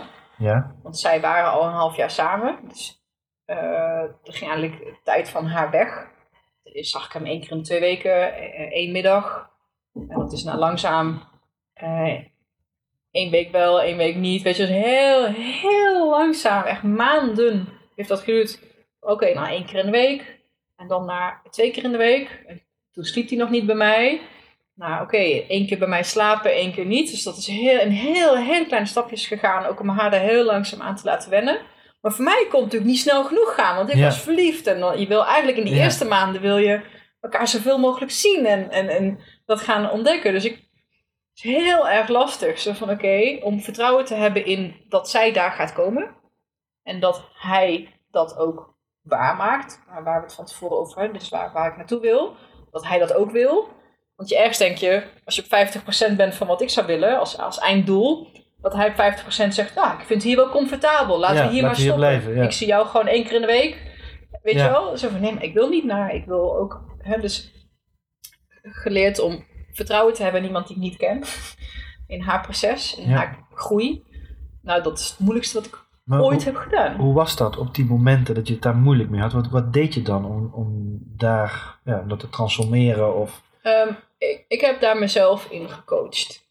Eh, in, de echt, in de echt moeilijke momenten. Ik heb echt huilend op de grond gelegen. eh, gewoon echt ingestort. Niet, niet dagelijks of wekelijks, maar die, die zijn er wel geweest. En ehm, ik weet niet wat dat is. Dat is een soort van inherente autodidact zijn die ik ben of zo. Ik had al wat coaching gehad en ik was natuurlijk met het spirituele thema bezig en met verslaafd aan liefde. Dus ik was met mijn eigen persoonlijke ontwikkeling bezig. Dus ik heb mezelf daar doorheen getrokken. Eh, ik ben. ehm, dan vond ik mezelf huilend op de grond bijvoorbeeld. En dan bedacht ik me. Oh, eigenlijk wil dat kleine kind in mij wil nu gewoon even horen dat alles goed is en een knuffel krijgen. En dat wil je natuurlijk het liefste van je liefdespartner. Maar die is dan op dat moment niet beschikbaar, want Ja. we hebben, dat is de afspraak die we hebben. Hij is niet 100% bij mij. Ik moet mezelf dat kunnen geven. Dus ik heb dat in die momenten geprobeerd om aan mezelf te geven. En mezelf eh, vanuit mijn eigen kracht of mijn eigen eh, inzicht. Ja, wat normaal een coach bijvoorbeeld voor je zou kunnen doen, heb ik mezelf gegeven. Gewoon in, in mijn in mijn gedachten. En dat is natuurlijk hartstikke moeilijk. En dat, dat is dan liefde, zekerheid, aanraking, Ja, eh, dus safety, Ja. eh, veiligheid. Kom, eh, voelt u, kom maar meisje, ah, het is oké, weet je wel. Gewoon mezelf inwendig een knuffel gegeven. En dat kan natuurlijk omdat ik bijvoorbeeld naar retraites of naar trainingen ben geweest, waarin je dat soort oefeningen wel eens in groepsverband doet. Maar dan, ja, if shit hits the fan, als het echt moeilijk is en als het echt pijn doet en als het lastig is, ja, dan moet je dan maar even weer aan denken dat, oh ja, ik heb een innerlijk kind dat nu misschien aan het huilen is. Ja. Weet je wel, daar ben je dan eigenlijk Ja. helemaal niet mee bezig. Maar dan toch, een van flits van inzicht, zeg van, ah, oké, ik ga gewoon nu proberen lief zijn. Hè, mez- mezelf die liefde te Hmm. geven. En door dat te doen, ben je daarvoor bijgekomen? Of in ieder geval heb je dat soort momenten kunnen transformeren en sta je daar nu anders in, opener? Ja, ja, in dat moment, eh, dat, dat het verschil is maar heel klein, geeft de app dat weer weg. En dan, hè, dan Ja. is de, de, de, de, la- de lading is eraf, hij is geontlaat. Dus je hebt gehaald of je ding gedaan en dan Ja. voel je wat rustiger. Eh, maar ik ben ook eh, in sommige ongeduldige gebouwen heel boos geworden. Bijvoorbeeld mijn telefoon kapot gegooid. Of, je, het moet daaruit. En ehm, we hebben heel, heel, heel, heel, heel veel gepraat. Ja. Eh, we zijn hier ingestapt met, oké, nou, dit, dit is lastig, dit is nieuw, dus onontgrond terrein. Er is hier geen blauwdruk voor. Hoe Nee. hoort het? Hoe hoort het me te voelen? Hoe lang hoort het te duren? Moet ik wachten? Is het, doe ik mezelf tekort? Of is het juist heel nobel? Er zijn natuurlijk, daar kan je helemaal gek eh, van worden. Dan doe ik mezelf niks tekort. Ehm, open blijven, transparant blijven, blijven praten, blijven communiceren. Ook als ik met mijn verdriet, boosheid uitlok of in haar of zijn frustratie ik weer uitgelokt word, dat hoort erbij. En dat ik heel bewust eh voor kiezen om dat samen ook aan te gaan. Ja. En dat wil je niet altijd.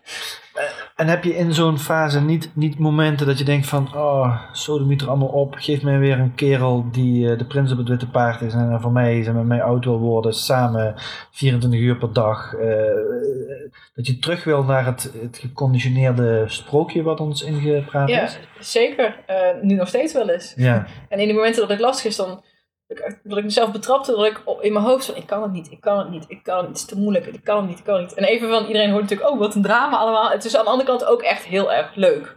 Want wat het leuk maakt is van, hé, hey, stel ik een relatie met jou zou hebben, en jij bent bij mij, dan is er altijd zo'n stemmetje wat dan denkt, ja, maar je bent alleen maar bij mij omdat je dat hebt gezegd. Maar eigenlijk wil je liever ergens anders zijn. Want ik, ik ben al heel erg een van mijn eh, issues. Eh, ik ben bijvoorbeeld veel gepest. Dus ik ben altijd heel erg wantrouwend. Ja, jij zegt nu A, maar misschien denk jij B. ja, Dat, dat, dat vind ik heel, heel lastig, heel moeilijk. Dat maakt me heel wantrouwend. ja. Oké, kan ik in jou authentiek, geloven? In authenticiteit in mensen. Ja, Ja. Nou, ben, ik, ben jij te vertrouwen? Ja. Ik vind mensen vertrouwen heel erg lastig.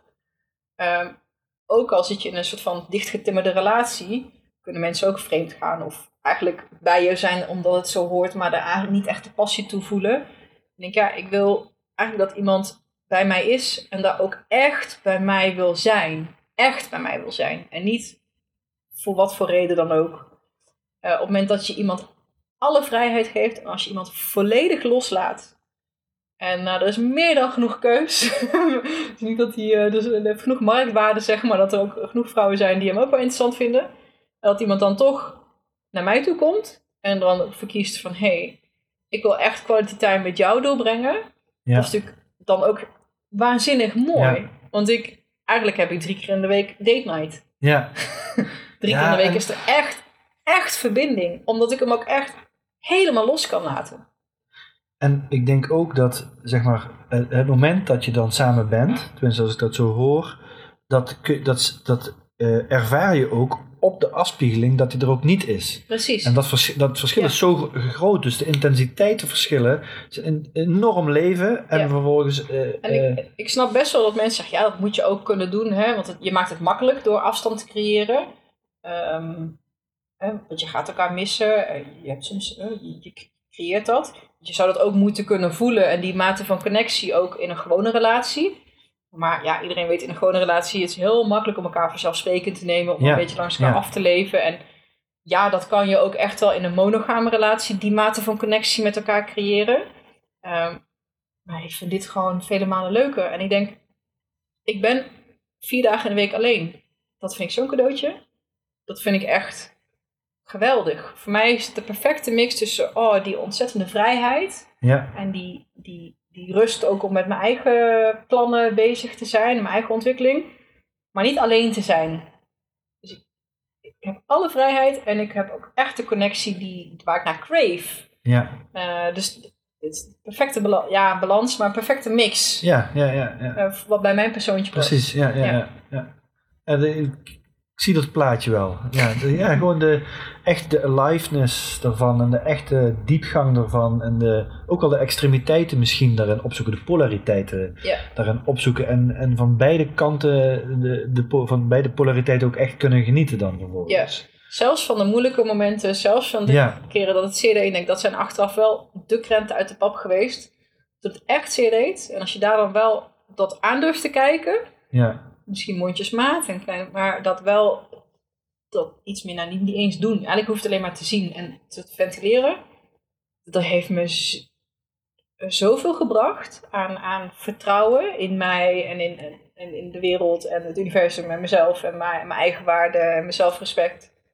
Eh, ja, dat is gigantisch mooi. ja, En ja, ja, wil- wil ik zo eindigen? Geen idee, misschien denk ik over een paar jaar wel. Nee, ik wil wel iemand die 24-7 bij mij is.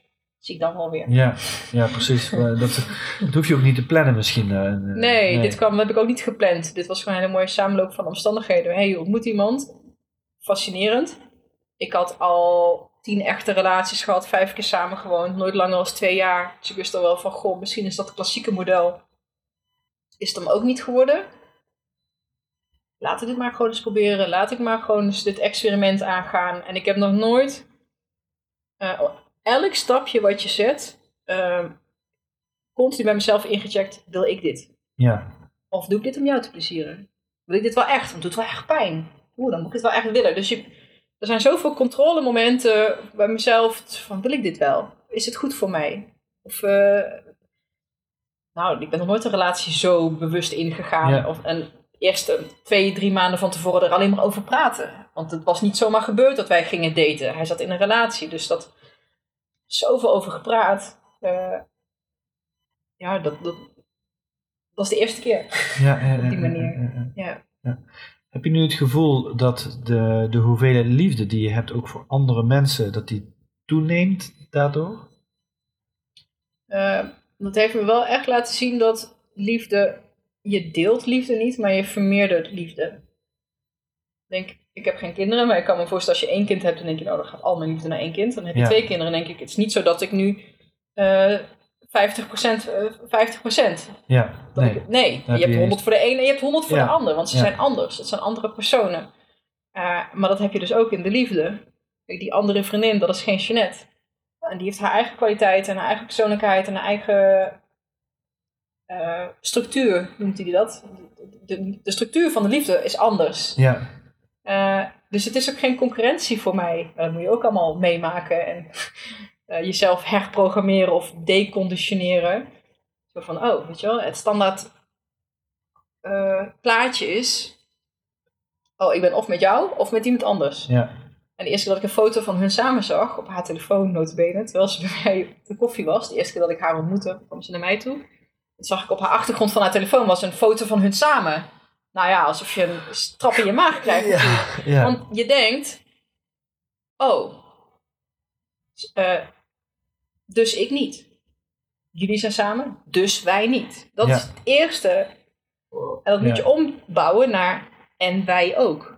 En dus niet, dus ik niet. Nee, en wij ook. Dat zijn twee dingen die naast elkaar bestaan. Maar dat moet je wel even, die oude conditionering moet je wel losweken. Want daar is wel even wat mentale ja, energie naartoe gegaan. Want elke keer als die weer kwam, weet je, dan word je verdrietig of boos of jaloers. Of van, oh, nou zijn zij samen, weet je wel. Hm. Wat zit er eigenlijk achter? Er zit eigenlijk achter de overtuiging dat als zij samen zijn, kunnen wij niet samen zijn. Ja. Dat is een hele logische overtuiging, want zo werkt de wereld. Nou, dat is dan de eerste overtuiging waar je dan zo van, oh ja, maar dat is eigenlijk voor ons niet zo. En dan moet je jezelf dan wel een aantal keren in eh, bestendigen. En dat geloven en daarin vertrouwen. En dat hij ook echt bij mij is. En dat hij me niet voorliegt. En dat hij te vertrouwen is. Weet je wel, nou. Ehm, en nu zijn we ruim anderhalf jaar verder. En denk ik, oh, maar die vertrouwensband, die is nu ook echt wel gewoon echt massief. Want ondanks, hij is er echt. Ik heb dat vertrouwen ook echt. Want zelfs al is zij er en hij date daarnaast nu ook nog met andere eh, dames. Dus één dag in de week is hij op zichzelf. Hey, doe je ding. Leef je uit. Als jij er gelukkig van wordt. De meeste mensen moeten er niet aan denken. Mijn hemel, wat een hoop hoofdpijn eh, is dat, twee vrouwen. Ze moeten net alle twee maar zeven van de leg zijn. Ja, want Dan heb je het zwaar. ja, we- we zouden hem hier moeten uitnodigen misschien, maar hoe is dat, hoe is dat voor hem? Is dat niet inderdaad heel veel? Dat, Ja, soms is dat, dat is het. Maar ja. aan de andere kant, op het moment dat het lekker float, moet je je voorstellen dat je van twee personen Ja, liefde ervaart. Volgens mij is hij de rijkste man ter wereld, Ja, eh, wat dat betreft. Nee, Ja. ik bedoel, en ik heb er nu niemand naast. Heel af en toe eh, date ik. Ik heb een oud, eh, een van mijn oude vriendjes, waar ik dan nog één of twee keer per jaar mee afspreek. Maar niet iemand nieuws of structureels. En misschien komt dat ooit wel. Maar ik denk, ja, pff, mijn leven is zo druk. Eh, ik heb drie dagen in de week heb ik quality time date night. Dat is meer dan wat de gemiddelde doorsnee Nederlander Ja. eh, in een maand misschien wel heeft. Als ik kijk naar de kwaliteit van ons samen zijn. En wat ik daaruit haal. Pff, Misschien is het wel voor mij wel genoeg zo. Ik weet het niet. En als ik wel behoefte heb aan nog andere mensen zien. Ja, dan, dan kan dat. Dan mag dat. Eh, en dat wordt ook aangemoedigd. Van leuk. ja, Want ik heb ook die vrijheden. Ik weet hoe leuk het is om die vrijheden te hebben. En ik weet ook Het klinkt heel stom, maar hij zegt ja. Als ik date met een andere, heb ik daarna meer zin om jou te zien. En ik was in het begin natuurlijk heel erg bang. Van oh, eh, jij hebt ook maar een x aantal energiepuntjes te vergeven in een week of in een dag. Of een x hoeveelheid liefde of, of aandacht. Geef je toch moe? Moet toch uitrusten of bijkomen? Of moet je op jezelf zijn? Blijkbaar niet. Blijkbaar wordt die variatie, voor een man is variatie heel belangrijk, heel anders dan voor eh vrouwen, de mannelijke energie. Stimuleert jou dat juist om nog meer te geven, omdat het niet stil wordt, het wordt niet saai of, of ja.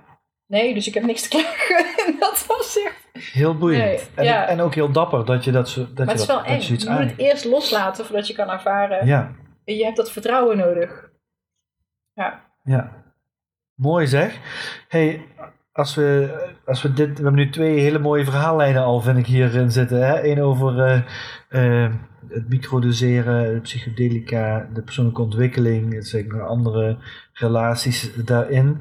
Als je dit nu samenbrengt eh, naar wat je doet professioneel, hè? je bent veel in bedrijven, presentaties, trainingen, dat soort dingen. Hè?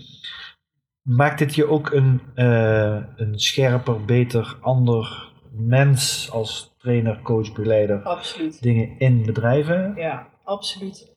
En juist ook eh, doordat ik zo transparant ben. Ja, ik, misschien klinkt het voor heel veel mensen heel heftig, maar eh, nee hoor, dat is geen eh, persoonlijk. Zo, er zijn geen persoonlijke verhalen, er zijn universele thema's. Weet je, er zijn mensen die hebben nog veel extreme of juist niet. Ehm, het maakt je heel. Doordat je jezelf zo kwetsbaar durft op te stellen en ook je eigen verhaal durft te delen en je eigen groei durft te laten zien, of ook mensen helpt om ook eh, stappen te maken, ehm, voelt het voor hen heel veilig en heel fijn. Zo van, oh, maar jij practice what you preached, zeg maar. En je hebt het doorleefd. En wat ik in, eh, bij bedrijven doe, eh, Michel heeft een, een training ontwikkeld. En ik zag die training en ik was dan al, boeken aan het lezen en podcasts aan het luisteren. En dat pad dacht ik, eh, zo op slag verliefd. Omdat hij daar eh, praktische oefeningetjes aan wist te hangen. En dat wist te condenseren, heel toegankelijk, heel laagdrempelig. Maar juist om mij te dwingen om oefeningen te maken en dingen op te schrijven en een roadmap te tekenen en over dingen na te denken. Mij een beetje aan de hand mee te nemen, want ik ben een denker. Dus ik moet soms even aan de slag worden gezet. Ehm, ik heb dat gevolgd en denk ik, hey, dit is precies wat ik nodig heb gehad om die, om die groei te kunnen maken. mijn doelen formuleren, nadenken over waar ik mijn tijd en energie aan uitgeef. Ehm, en zo sta ik dus nu ook bij bedrijven, mensen te helpen met hun persoonlijk leiderschap en persoonlijke effectiviteit. En waarom geloven ze me? Ik laat soms als foto zien en kijk, hier was ik 19 met mijn gekleurde dreads en uh, ja. het levende voorbeeld, ja, misschien nog een keertje van die sociale mobiliteit. Ja, ik weet waar ik het over heb. Dus en ik laat dat ook graag zien. Dus hey, en ik voel mezelf niet zielig of uh, bijzonder of extreem. Of, uh, ja, uh, dat. ik heb in Bubbels drie bubbelvragen waar ik mee afsluit. Oké. Okay. De, de eerste bubbelvraag die gaat over dat ik denk, van mening ben, dat we in ons leven in bubbels leven. Dus we zitten in een soort bubbel. Ja. En die bubbel reflecteert van alles. En, uh, en dat lijkt, dit lijkt mijn leven, mijn bubbel. Totdat er een moment is dat ineens van buiten of van binnen ergens iemand een naaldje in die bubbel prikt. En in één keer spat die bubbel uit elkaar en blijkt dat het er heel anders uitziet. Ja. Wat is jouw grootste bubbel geweest, die, of een van de grootste bubbels die in jouw leven uh, geknapt is? Oeh. Ja, jeetje, dat is een hele reeks aan bubbels, denk ik. Ja, ja dat, was, dat dacht ik al. maar pak er eentje. Ja, ik heb het gevoel dat ze ook allemaal wel een beetje naar voren zijn gekomen in de, in de vragen, of die van de dingen die ik heb verteld. Ja, precies. We hebben natuurlijk al veel gehad. En, of je kan ook zeggen, welke vond je nou de. Welke bubbel ben je het meest blij mee dat die in ieder geval uh, geknapt is? Die we besproken hebben. Nou, waar ik nu aan moet denken toen ik uh, mijn huis verkocht. Dus uit, een stukje uit die red race uh, stappen.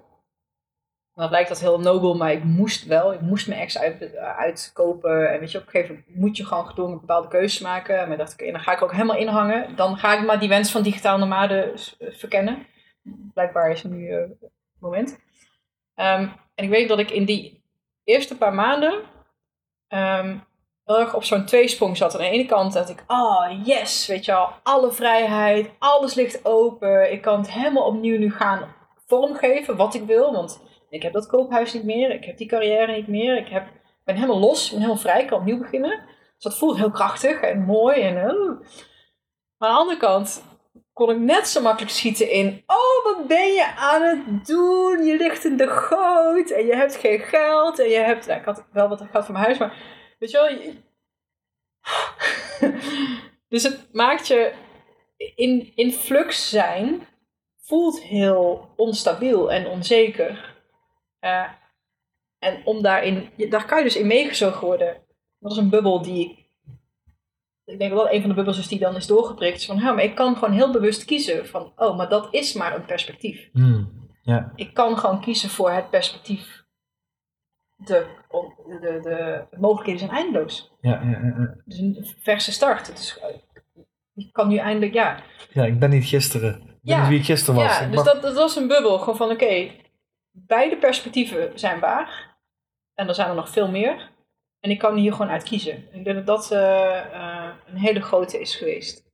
Mooi, mooi. Ja, ja. ja. En ik ben me bewust dat we er al heel veel besproken hebben. Ja, ja, ja. ja, ja.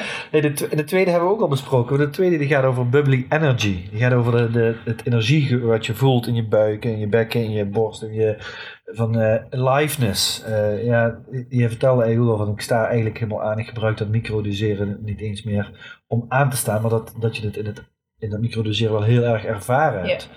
Zijn er nu nog dingen die je doet om je aliveness, jouw aanstaan te bevorderen? Heel andersom, om rust te nemen. Um, ik, ik, zit hoog in mijn energie. Vooral mentaal gaat het soms echt sneller dan dat ik kan praten of schrijven of wat er ook maar is. Waardoor het soms een beetje hakkelt. Um, de reden denk ik dat ik verslaafd ben geweest aan drugs, maar ook aan eten. Ik ben ook echt een. Uh, ik, ik, kan echt eetbuien hebben gehad. Dat was een van de redenen ook om met mijn lijf bezig te gaan. En nu, zie ik, nu weet ik inmiddels, dat zijn allemaal gewoon manieren geweest om me af te remmen. Om uit te schakelen. Hmm. Um, om tot rust te komen. Dus ik moet niet zozeer dingen bedenken om me aan te zetten. Ik moet juist heel erg waakzaam zijn dat ik mezelf en vooral, vooral mentaal, want lichamelijk, ik word niet 40, dus dat lichaam dat gaat al wel iets minder snel, maar in mijn hoofd gaat dat nog misschien wel vele malen sneller dan ooit. Mm. Ehm, en als je dat, en eh, eten is een manier om uit te schakelen, letterlijk. Eet maar eens een keer heel veel, dan ben je klaar. Ja, Eh, Netflix is ook een manier om uit te schakelen. Eh, heel hard sporten is ook een manier om uit te schakelen. Drugsgebruik is ook een manier om uit te schakelen. Ehm, en dat is helemaal oké, dat is helemaal prima, daar is niks mis mee. En ik merk dat voor mij de, eh, eh, de les nu, of niet de les, maar de, de, de uitdaging nu is manieren vinden om, dat, om die energie iets meer te beteugelen. En niet altijd alleen maar te gaan ja, ja. ja. ik, eh, gisteren in die, dat ik in één keer even boos werd en, en, en heel raar voelde. Nou, dan kom ik thuis en ben ik even door het bos gelopen en dan kom ik weer tot rust. En dan denk ik, ik stond gewoon te lang en te snel aan. Ik heb te lang aangestaan ik was te veel online. Ik was gewoon, ik moest even terugschakelen. En dat kan ik dus door even een, rondje het bos te gaan wandelen of om te mediteren of een lekker mijn boekje te gaan lezen in de hangmat. Vroeger wist ik dat niet. Dan ging helemaal door en door. En dan gingen die gedachten die te snel gaan, die keren zich een soort van tegen zichzelf. Waardoor ik ook heel in mijn eigen drama-verhaal, in mijn eigen onzekerheid, dat helemaal te veel aandacht kon geven. Ik denk, oké, ik wil nu niet vervallen in te veel eten of Netflix. ik wil andere manieren bedenken om mezelf iets meer in balans te krijgen. Dat vind ik wel heel cool. Dat is voor het eerst dat we die vraag helemaal andersom beantwoorden in de podcast. Want, eh, meestal, ik was in de aanname dat iedereen eh, bezig is met zijn energie juist te verhogen. Maar dat is dus helemaal niet zo. En ik, Nee, het ja, ik, is meer zorgen dat ik niet eh, ja, zelf ik voorbij vat helemaal wat je zegt. Ja, en, ja. ja. Ik, ik zag, terwijl je dat vertellen was, ook dat en ik gebruik eten ook daarvoor. Om, om mezelf af te remmen, inderdaad. Terwijl als ik een dag vast of een aantal dagen vast, oh, dan word ik zo rustig. Dan, En, en energiek zo'n en kalm en helder. En, ja, dan kom je in zo'n fijne space. Ja. Ja. Ja. Dat is, eh, ik heb een, eh, dat is een hele fantastische opleiding de, van de Institute for the Psychology of Eating. Ja. Eh, ik heb daar de opleiding voor Eating Psychology Coach gedaan. Nou, dat is een, gewoon online eh, 250 uur videomateriaal. Het is echt. Die man die kan zo fascinerend praten. Dat heb ik gewoon aan één ruk doorgewezen. Even in een paar weken helemaal geluisterd. Eh, examen gedaan en geslaagd. En het grappige is, dan denk je, oh, al die uur, nou dat gaat dan over voeding en over eten en over calorieën en over eiwitten.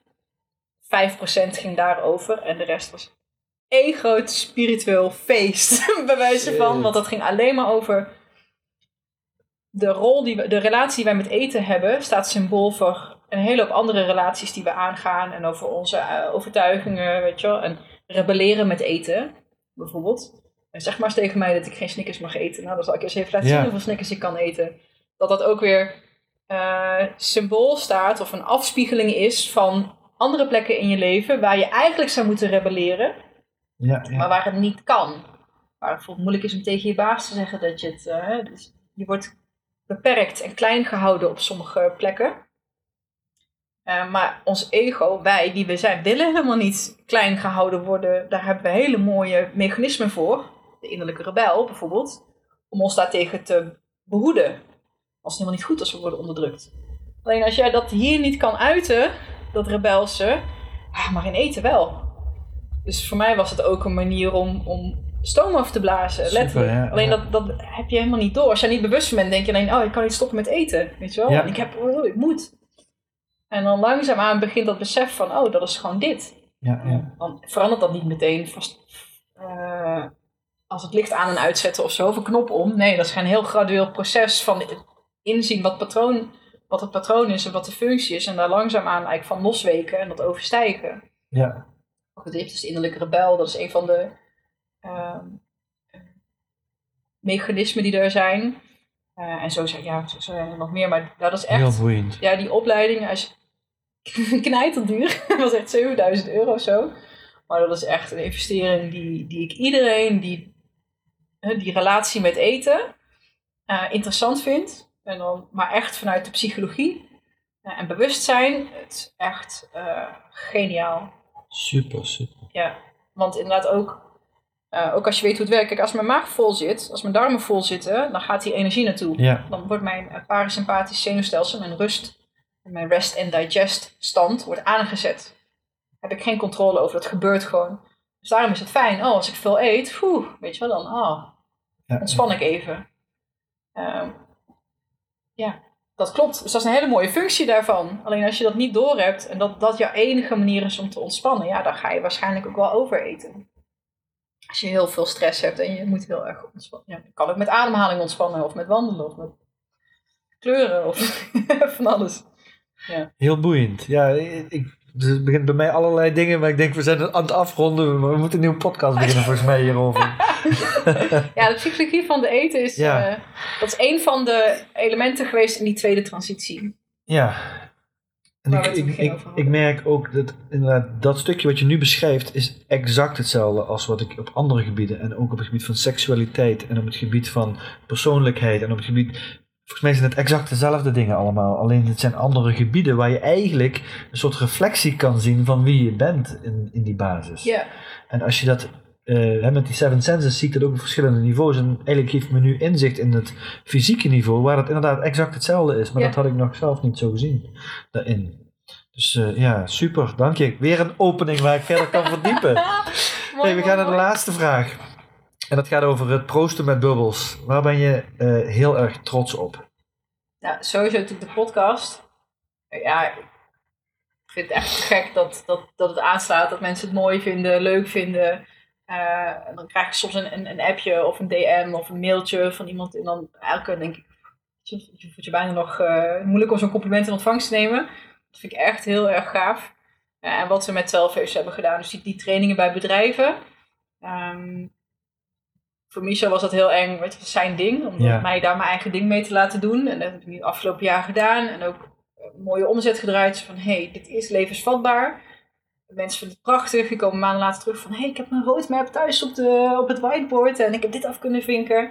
Ik ah, je kan echt iets doen. En ik ben van het denken en lezen en het analyseren en filosoferen. En in die samenwerking met iemand die mensen soort van dwingt om in de praktijk mee aan de slag te gaan.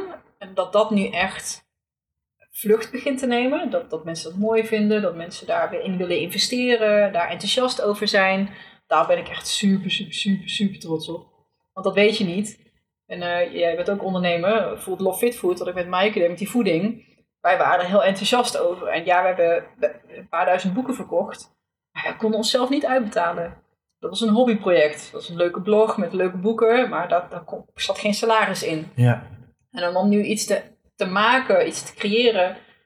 ehm, want ik zie salaris gewoon als een, een bevestiging van de andere kant dat mensen het waardevol vinden. Ja. Dus niet dat ik iets jou door je strot duw. Dat is Nee. echt dat het iets moois is. En dat dat dus nu zo, ik kan hiervan leven. Mensen zijn hier blij mee. Ja, daar ben ik gigantisch trots op. Dat vind ik heel, eh, Ja. en als mensen daar meer over willen weten, dan heb je een website. Eh, dan kunnen ze het beste naar, eh, dat is 12-waves, dus 12 golven, academy. En daar eh kun je een online training doen. Of eh, ehm, in 2020 gaan we drie keer starten met een kleine groep. En dan gaan we eigenlijk dat hele protocol van Michel, dat zijn zes dagdelen. eh, een soort van pressure cooker. waar allerlei mooie tools uit de persoonlijke ontwikkeling eigenlijk zijn samengevoegd. Dus dan gaan we in januari, maart en september gaan we met een groep starten. Nou, super. Mag ik jou hartstikke bedanken voor deze podcast. Ja, eh, jij bedankt voor de vragen. Ben jij ook toe aan een bruisender leven of een bubbelende business en denk dat Joris daarin kan helpen? Bezoek dan onze website. Neem contact op via www.bubbles.cc. Tot de volgende bubbels.